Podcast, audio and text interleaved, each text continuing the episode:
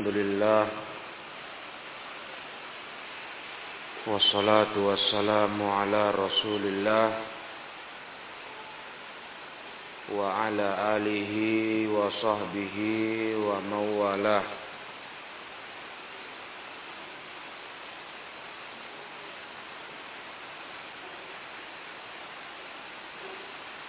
Babu manistam fi awalil matori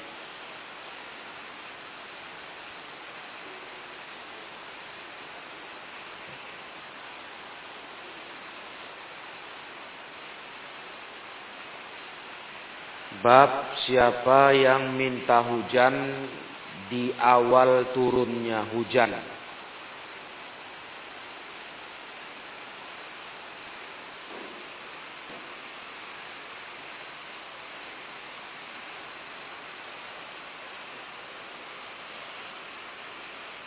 Istamtoro itu artinya minta hujan.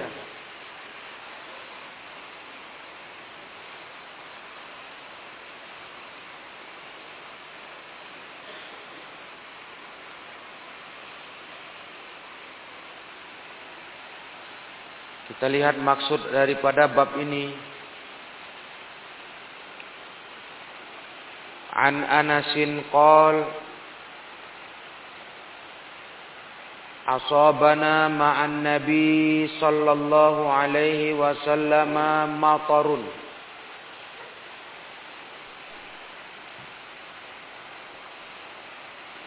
Pernah menimpa kami bersama Nabi sallallahu alaihi wasallam hujan.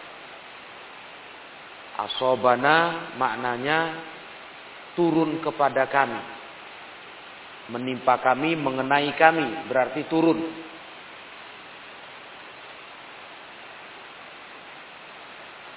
Jadi pernah kami sama Nabi lagi turun hujan, begitu.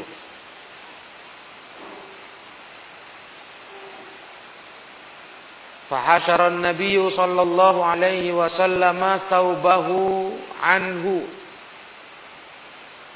maka Nabi Shallallahu Alaihi Wasallam hasara ay kasyafa ba'da thawbih. Membuka menyibak sebagian pakaiannya.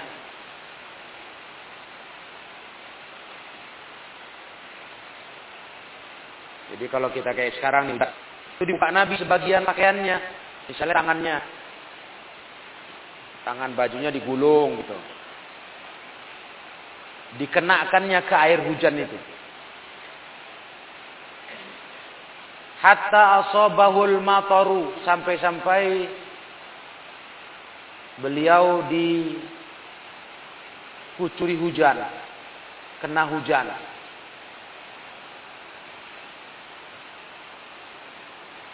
Kulna lima fa'alta, kami tanya kata Anas, Kenapa kau buat itu ya Rasulullah? Hujan.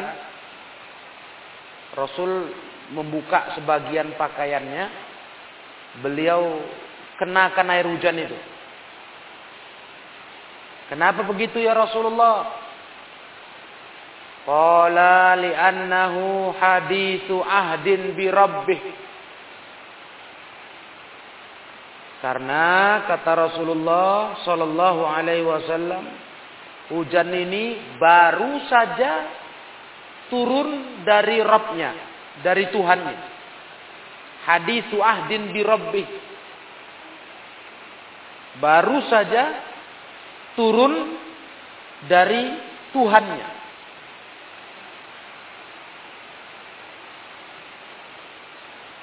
Ya.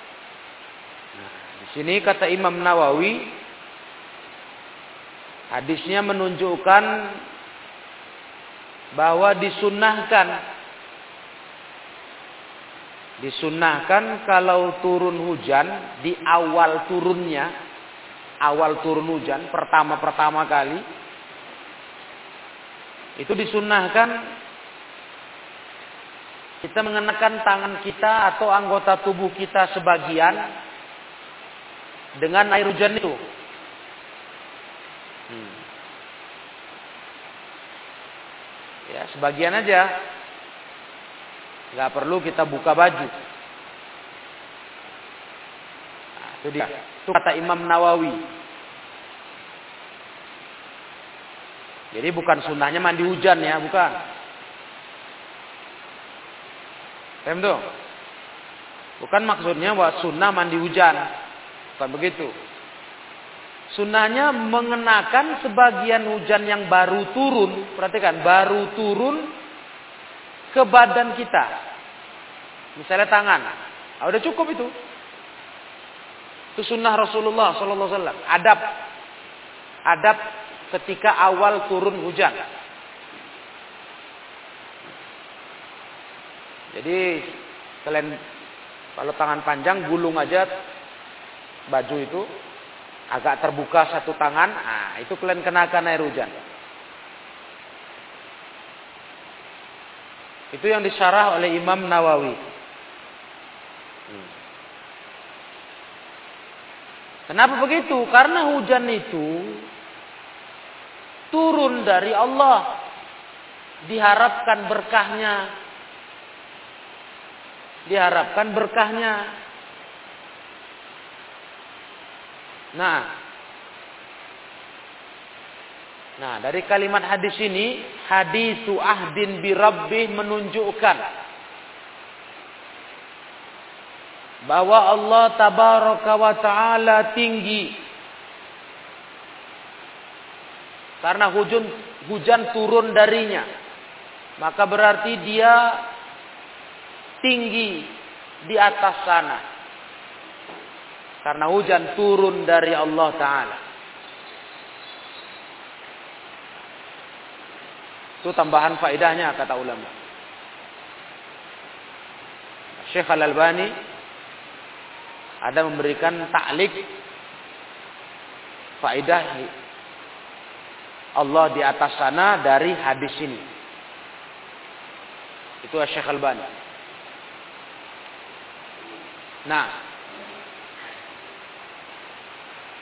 begitu. Dan ini hanya sebagian hadis atau di antara hadis yang jadi dalil Allah di langit sana, ya kan? Sekian banyak dalil-dalil lain menunjukkan Allah di langit sana. Salah satunya hadis ini. Hadis ini berbicara tentang masalah hujan. Tapi terkandung di dalamnya cerita Allah di atas langit. Uluwullah. Tingginya Allah. Allah di atas langit sana, di atas makhluknya. Hujan turun dari sana. Makanya kata Nabi SAW ketika ditanya sahabat, Kenapa kau buat ya Rasulullah? kau bukakan sebagian badanmu, kau kenakan air hujan itu. Kata Rasulullah, li'annahu hadithu ahdin bi rabbih. Karena hujan ini baru saja turun dari Robnya. Hadithu ahdin asal katanya sesuatu yang baru. Ya, kalau hujan dibilang baru, maksudnya baru apa? Gitu. Baru apa? Baru turun lah. Ada hujan naik. Hah? Maka diterjemahkan begitu. Kalau terjemahan secara harfiahnya, hadis ahdin itu maknanya baru saja. Sama seperti hadis hadis ahdin bil jahiliyah. Baru saja lepas dari zaman jahiliyah. Nah. Ya, Hadithu ahdin bil kufri. Baru saja tobat dari kekufuran. Kan begitu. Nah, kalau hadithu ahdin bi rabbi. Maksudnya apa kalau hujan? Baru saja dari Rabbnya. Baru apa? Baru turun. Hujan turun. Iya kan? Hujan dari atas ke bawah, maka dibilang turun hujan. Ada bahasa lain nggak untuk hujan? Nah, ada. Semua bahasanya kalau hujan turun. Nah, itu menunjukkan apa tadi kata Syekh Alwani? Allah di atas sana. Kalimat hadis wahdin bi rabbih. Allah di atas sana. Karena dia turun dari Robnya, dari Tuhannya. Baru saja. Nah, itulah baru turun. Nabi mau cari berkah. Nah, Nabi kenakan badannya sebagian. Itu maknanya kata Imam Nawawi. Bukan maknanya mandi hujan. Ngerti kalian?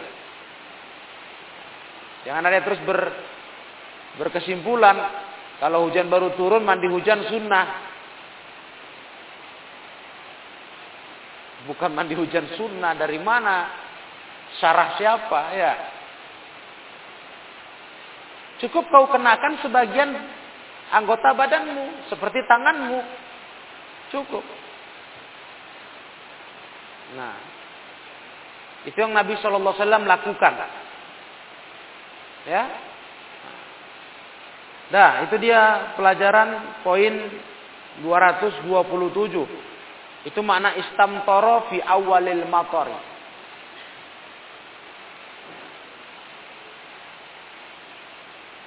Apalagi di daerah di Arab.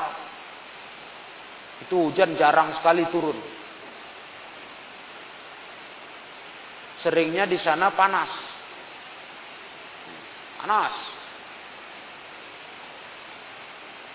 Jadi luar biasa nikmat turun hujan itu ya. Luar biasa.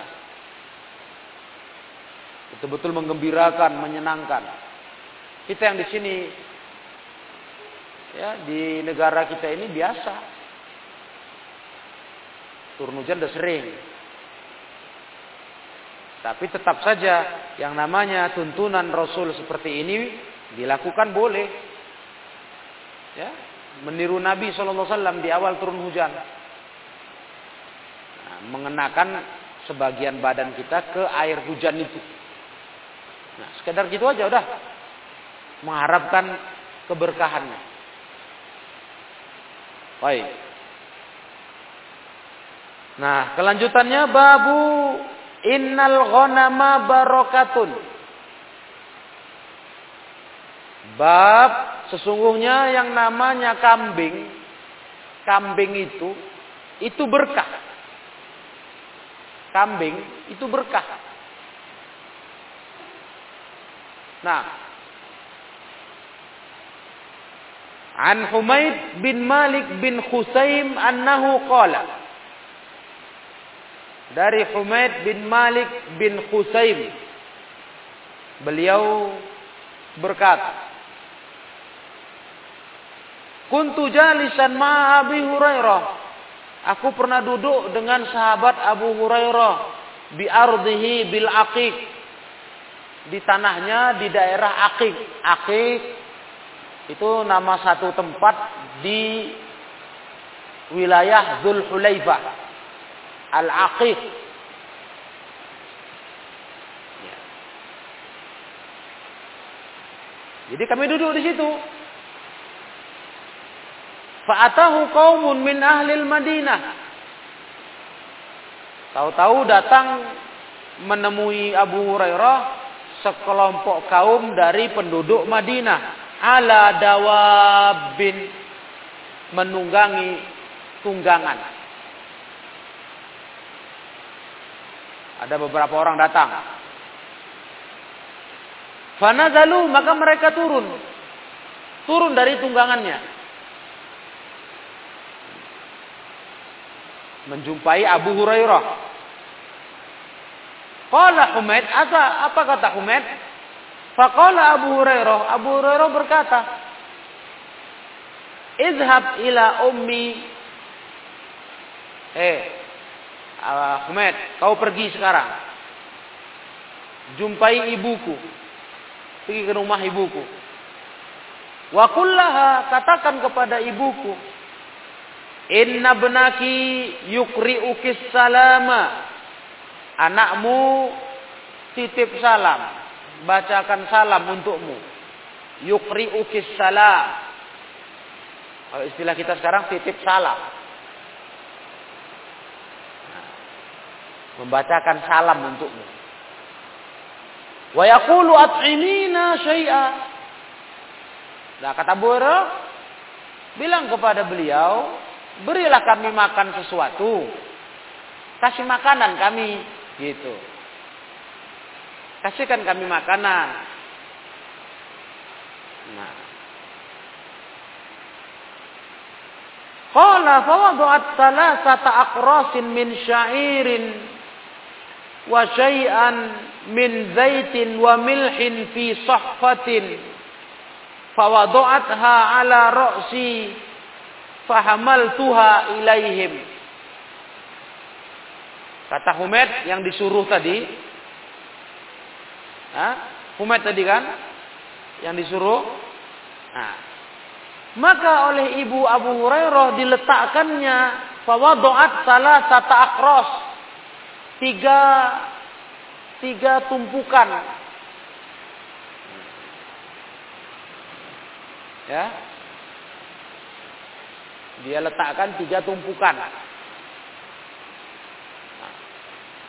Yang yang isinya min syairin ada gandum.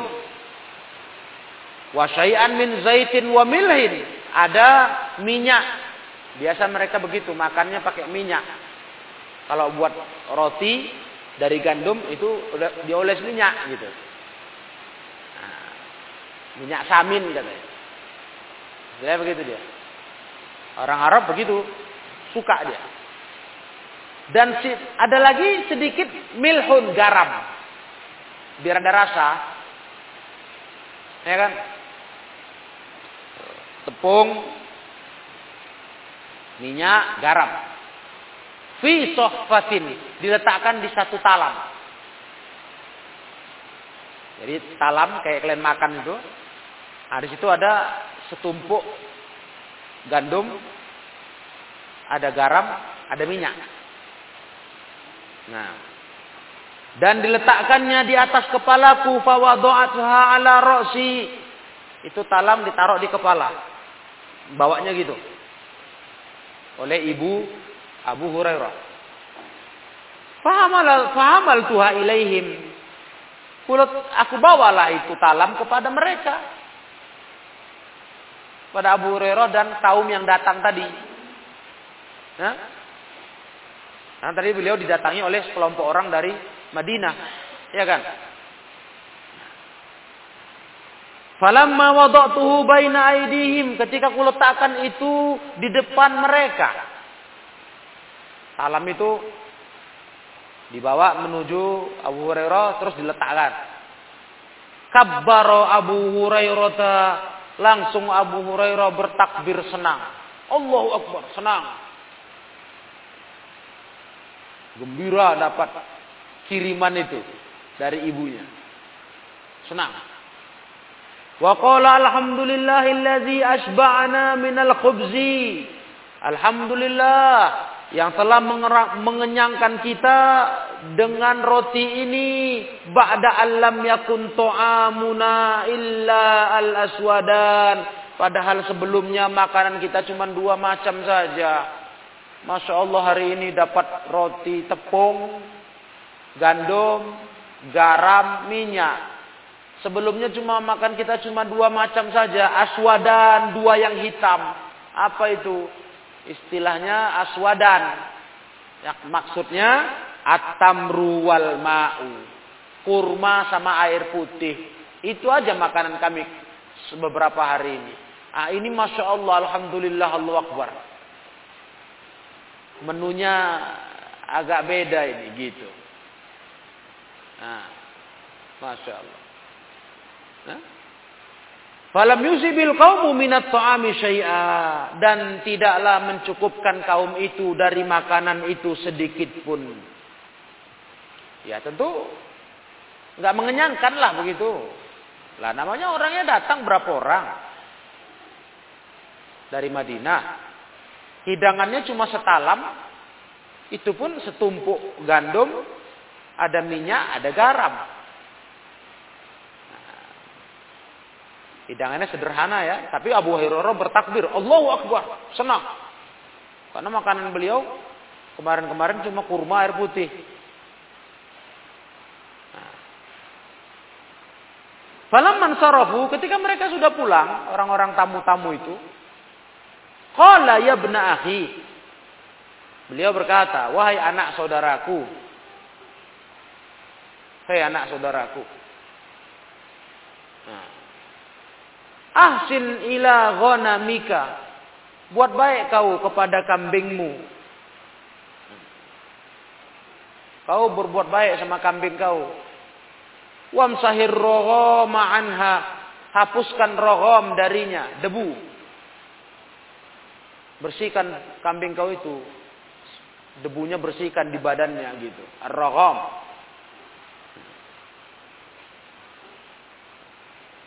Ada juga yang mengartikan ar-roghom itu kayak ingus di hidung.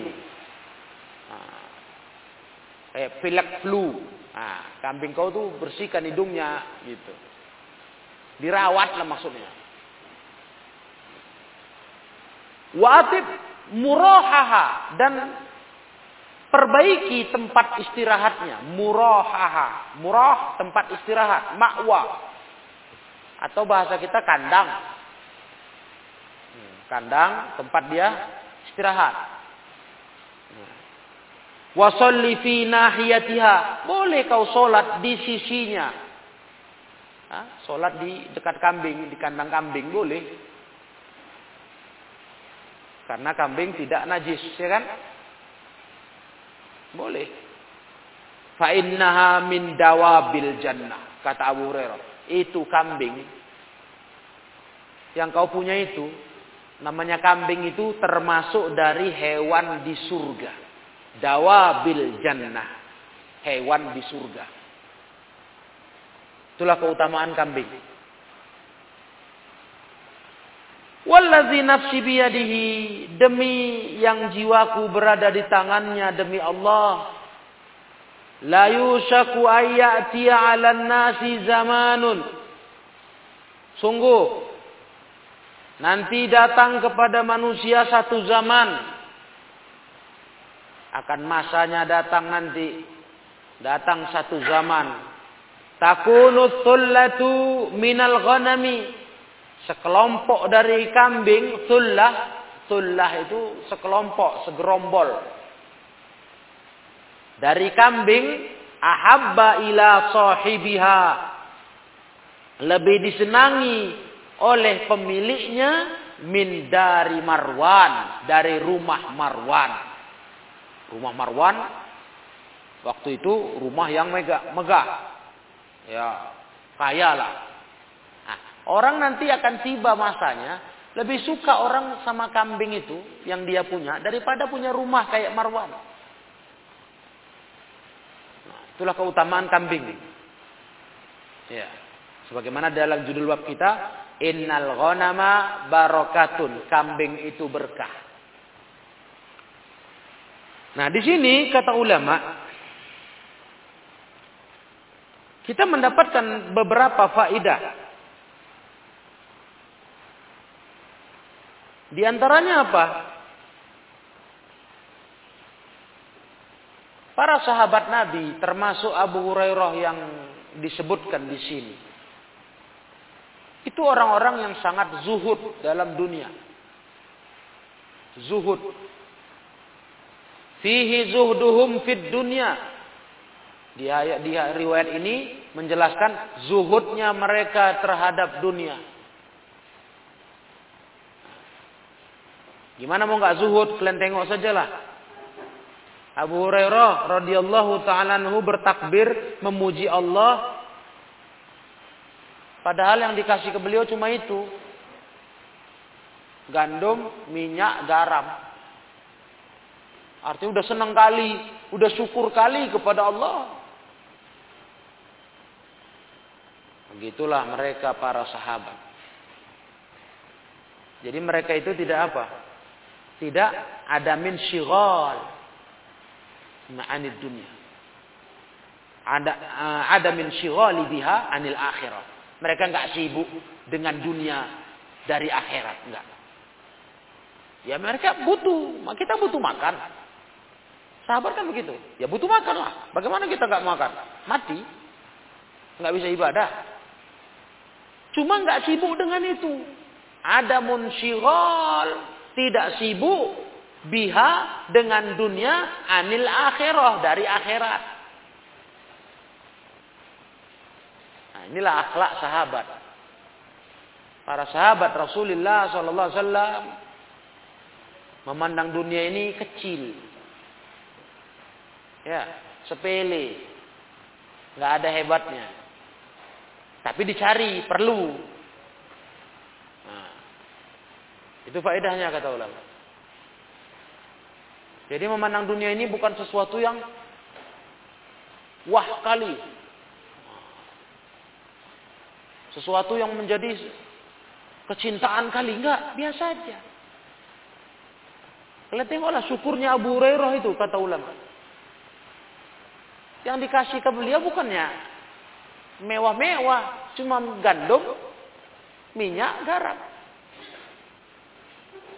Mungkin di kita nggak termakan itu ya. Mungkin kan? Berarti kalau untuk rasa, ya cuma asin. Asin gurih lah. Gandum tuh kok dimasakkan dia gurih. Tapi nggak ada rasa, nggak ada rasa apa-apa itu. Nah, minyak tuh jadi untuk colekannya, nah, perasanya garam. Itu sahabat Nabi. Jadi mereka mandang dunianya nggak heboh kali. Nah, kalau ada banyak alhamdulillah kayak Rasulullah. Kalau banyak dapat dunia ini alhamdulillah, syukur kepada Allah. Kalau sedikit alhamdulillah. Rasulullah SAW kalau banyak dinikmati, dijamu sahabat, dikasih makanan, diantari makanan, ya dinikmati. Banyak alhamdulillah. Tahu-tahu satu hari ada kekurangan makanan, tak ada makanan di rumah, ya sudah tidak apa-apa, puasaku kata Nabi, ya kan? Nah, begitu Rasulullah. Jadi sahabat kayak begini akhlaknya meniru Rasulullah Sallallahu Alaihi. Ya, meniru Rasulullah. Jadi akhlaknya mulia. Nah, akhlaknya mulia. Itu yang pertama dari akhlak yang kita dapati dari Abu Hurairah dan para sahabat yang datang. Yang datang tadi naik kendaraan unta, naik tunggangan lah. Nah itu ya syukur dapat jamuan begitu. Bukan mesti dipotongkan kambing kari misalnya. Nah, kalau nggak ada jamuan itu marah atau nggak senang atau nggak terima, nggak begitu. Ada jamuan kayak gitu, alhamdulillah. Nah, Enggak ada yang kayak gitu, ya sudah, alhamdulillah juga. Wah, luar biasa. Luar biasa akhlak sahabat kalau kita lihat dari berbagai riwayat-riwayat. Persis kayak Nabi Wasallam yang mereka tiru. Nah, ya dunia ini bukan hebat-hebat kali, biasa-biasa aja. Dapat rezeki banyak, alhamdulillah. Enggak banyak, alhamdulillah. Enggak ada masalah. Ada orang yang memang tergila-gila sama dunia. Pikirannya dunia ke dunia, dunia ke dunia. Maunya kaya, maunya melimpah, banyak harta, hidup serba enak. Nah, ada yang kayak gitu. Ada lagi yang besar ceritanya soal dunia. Padahal nggak ada apa-apanya dia. Tapi, oh, cakapnya meninggi. Kalau nggak ada apa-apanya. Orang yang jelas, jelas berada aja pun nggak pantas dia seperti itu. Karena dunia ini murah. Apa hebatnya? Ngerti kalian? Apa hebatnya dunia ini? Apalagi memang udah nggak punya, istilahnya udah kiri sok kaya. Awak kiri, udah miskin, cerita kayak orang paling hebat. Makin nggak tahu diri kan? Si miskin yang sombong ya kan? Si kaya aja pun tak boleh seperti itu. Karena kalau kelebihan rizki yang Allah beri kepada dia adalah karunia, titipan. Jadi bersyukur aja. Jangan lupa diri. Begitu orang beriman terhadap dunia ini. Karena program utama orang beriman itu kehidupan mati, akhirat. Kayak mana aku nanti di sana. Begitu. Dunia ini jangan lupa. Jangan lupa. Dah, paham kan itu? Nah, kemudian yang kedua, barulah faedah yang tadi disebutkan dalam bab kita. Faedahnya apa? Faedahnya adalah keutamaan kambing tadi. Berkahnya kambing. Paham tuh? Nah, kambing dalam riwayat ini dijelaskan tentang keutamaannya. Dan memang dalam hadis-hadis Nabi pun ada sabda begitu. Nanti akan tiba akhir zaman, harta yang paling mahal punya seseorang adalah kambing. Yang dia gembala di bukit-bukit, ya kan? Di gunung-gunung. Kambing. Nah, jadi kalau dari sisi jenis hewan, kambing ini ada keutamaan.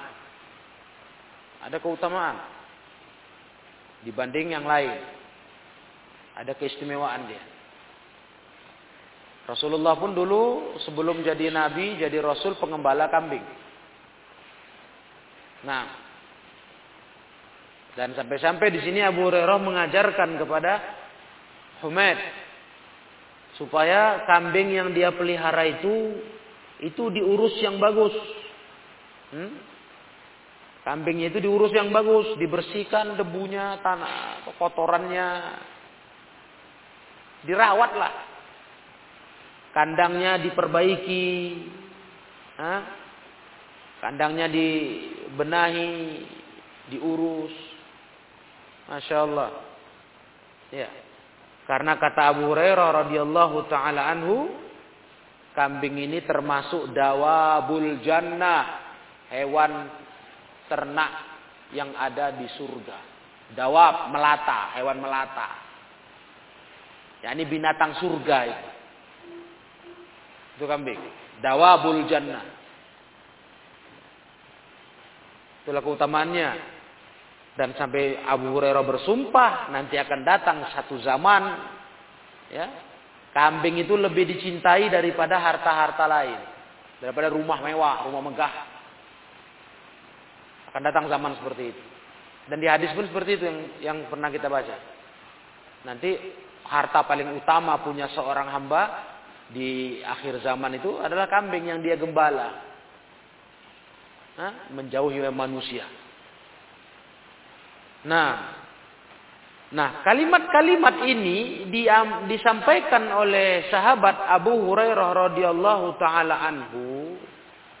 Ini tentunya bersumberkan dari Nabi Shallallahu Alaihi Wasallam.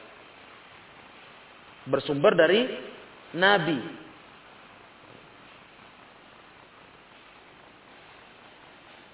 Tidak mungkin. Ini keyakinan di sunnah. Tak mungkin ada ucapan sahabat yang seperti ini menerangkan hukum keutamaan sesuatu sampai berani berkata kambing ini min dawabil jannah, nggak mungkin dari akal sahabat saja. Dan ini syariat, hukum.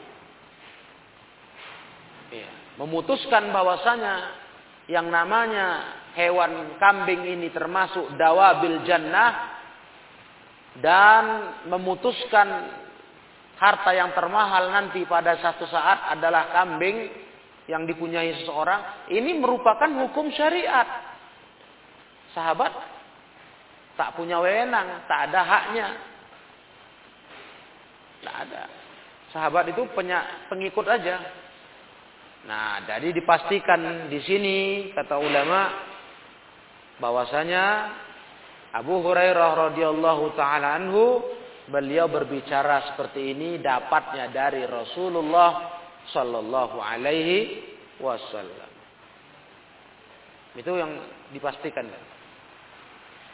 Apalagi Abu Hurairah adalah sahabat yang paling terbanyak meriwayatkan hadis, paling banyak tahu soal hadis Nabi.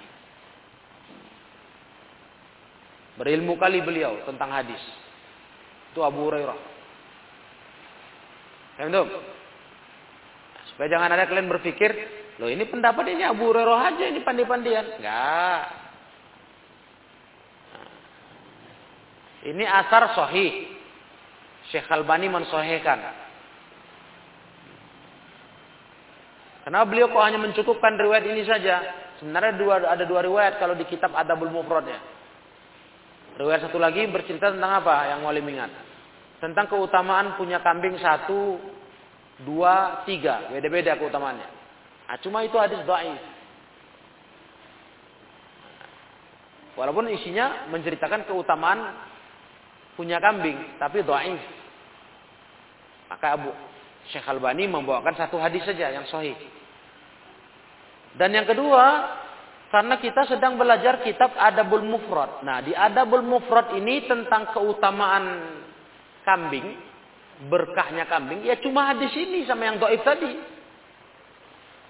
Kalau kita mau lengkapi tentang keutamaan masalah kambing ini, banyak lagi di kitab lain. Banyak. Ya. Jadi bukan hanya ini. Cuma karena kita membahas kitab Adabul Mufrad, Syekh Al-Bani mendapati dari Imam Al-Bukhari cuma dua hadis, satu doib, satu sahih, ya cuma inilah. Kalau masalah lengkapnya banyak. Di kitab-kitab lain masalah keutamaan kambing ini banyak. Nah. Jadi kita ambil aja hadis ini. Kita cukupkan satu hadis. Dikarenakan kitab Adabul Mufrad cuma memuat dua hadis dalam bab ini. Yang satunya dhaif. Nah, yang di hadapan kita ini ini yang hanya hadis tentang e, kambing yang sohi. Kalau yang doib, nah ini yang tak bisa kita ambil. Gak usah diambil karena doib. Dibuang dari isi kitab sohi Al-Adabul Mufrad. Nah, yang doib itu beginilah lafadznya kira-kira. Asyatu fil baiti barokah. Kambing ada di satu rumah itu berkah. Kalau kita punya peliharaan kambing, ternak kambing, kita dapat satu berkah, satu ekor. Kalau kita punya dua kambing, wasyatani barokatani. Kalau dua kambing, dua berkah. Oh. Makin banyak kalian punya kambing, ternak, makin berkah. Wassalatu barokatun. Kalau tiga, banyak berkah. Bagaimana kalau puluhan? Wah, kan begitu kira-kira. Cuma sayang hadis itu taif. Kalau diukur dengan perekor-perekornya, nah, yang punya satu, berkahnya satu, yang dua, dua, tiga, tiga, banyak. Nah, nggak pakai itu pun nggak apa-apa. Yang penting namanya kambing ini ternak yang bagus. Barokah. Iya. Barokah. Jadi kalau memang kita mau ternak, bagus. Nah, ternak kambing ini ada keutamaan dia. Ada keistimewaan dalam hadis-hadis yang sahih. Seperti riwayat ini. Al-ghanam itu barokah, berkah, kata Imam Bukhari dalam babnya. Sayang hadis yang kedua doaif, sehingga kita nggak pakai hadis itu. Secara umum sajalah. Yang pasti yang namanya ternak kambing, bagus. Itu termasuk harta yang bagus. Cuma kan nggak gampang ternak kambing ini ya. Kalau kita kayak di Medan gini ya nggak mungkin lah. Hah? Akan menjadi masalah di masyarakat baunya ya. Karena masyarakat berdekatan. Tentu akan bikin nggak nyaman bau kambing itu kan. Ini kalau kita di kampung, desa, orang tua kalian punya tanah luas, aman beternak nggak ganggu tetangga, bah, masya Allah ini, ya kan? Daripada keluyuran nggak karu-karuan, awak. tamat mondok nggak ke mana-mana, bagus kok ternak kambing. Hmm. Ya daripada ke mana-mana ugal-ugalan nggak karu-karuan, rusak kau, belum lagi celaka nanti. Kamu ternak kambing. Kalau ada lahannya, ya kan? Nah, itu kalau ada lahannya. Kalau nggak ada lahannya janganlah kalian paksa. Udah rumah dempet-dempetan, di ternak kambing di. Ya, maulah kalian diusir masyarakat. Pula kau ternak kambing di kota ini itu orang. Bau lah kami, bau rumah dempet-dempetan, cuman halaman kecil dibuatnya kandang kambing depan rumah. Nah. Berkah, berkah. Ya berkah aja pakai akal lah. Nah. Itu nggak bisa namanya itu. Di mana mau kau pelihara begitu? Nantilah, misalnya kau ada kebun atau kau masih tinggal di kampung, kalian yang pulang-pulang kampung nanti. Itu masya Allah itu. Hmm. Artinya ada kegiatan yang baik di antara kegiatan itu. Nah, itu dia. Merawat kambing ini masya Allah. Karena ada tuntunan Abu Hurairah, ah, kau rawat itu, kau rawat uh, kebersihannya.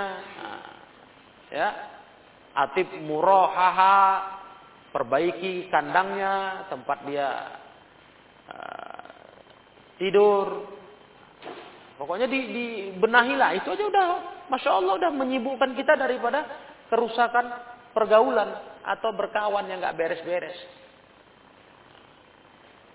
masya Allah itu ya kalau yang ada kesempatan rumahnya cocok ya Asal jangan sok gaya aja, sok gengsi. Masa awak ternak kambing, awak anak muda. Wah, ini kan kelakuan manusia sekarang kan. Sok setelan tinggi. Ah. Sok paten kata orang. Enggak enggak enggak kerja awak itu megang kambing kan. Macam orang sengsara kali melihara kambing itu. Astagfirullah. Hah? Paham tuh? Iya. Nah, kalau kita kayak misalnya nanti pondok kita buka di dalam kenas gitu, tiap piara kambing gitu. Biar jadi juragan kambing gitu. Lahan kita besar misalnya kan. Nah, iya. Kalau udah rame kita nanti udah jadi di sana. Bisa kalau kita ternak kambing. Karena udah banyak orang santri. Kalau enggak masuk maling nanti. Diangkatnya. Kalau orang banyak dia nggak berani. Ada yang jaga rame-rame, jaga. kalau sepi-sepi, Selera dia. Dicurinya. Nah, itu dia. Itu kambing. Jadi ada istimewa ya. Yang nggak ada di hewan lain. Iya. Untuk sapi Rasul nggak ada sabda begitu. Nah, unta nggak ada sabda begitu. Kambing ini. Sahabat nggak ada cerita yang lain. Kuda nggak ada. Kambing istimewa.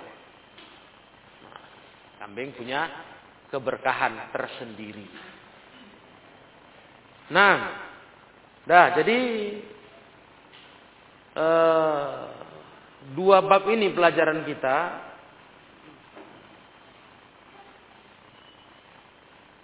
Kalau unta ada kemuliaan dia bagi pemiliknya kalau unta bukan pada hewannya pemiliknya karena unta ini kan gengsi dia mahal itu dia. Nanti babnya itu yang setelahnya itu.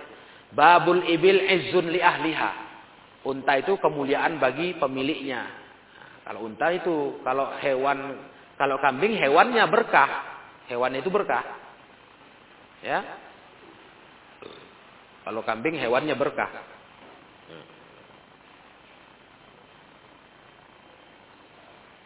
Kalau unta pemiliknya yang punya kemuliaan. Hmm unta, kuda, karena dia bergengsi. Kambing kan, kambing kan kecil.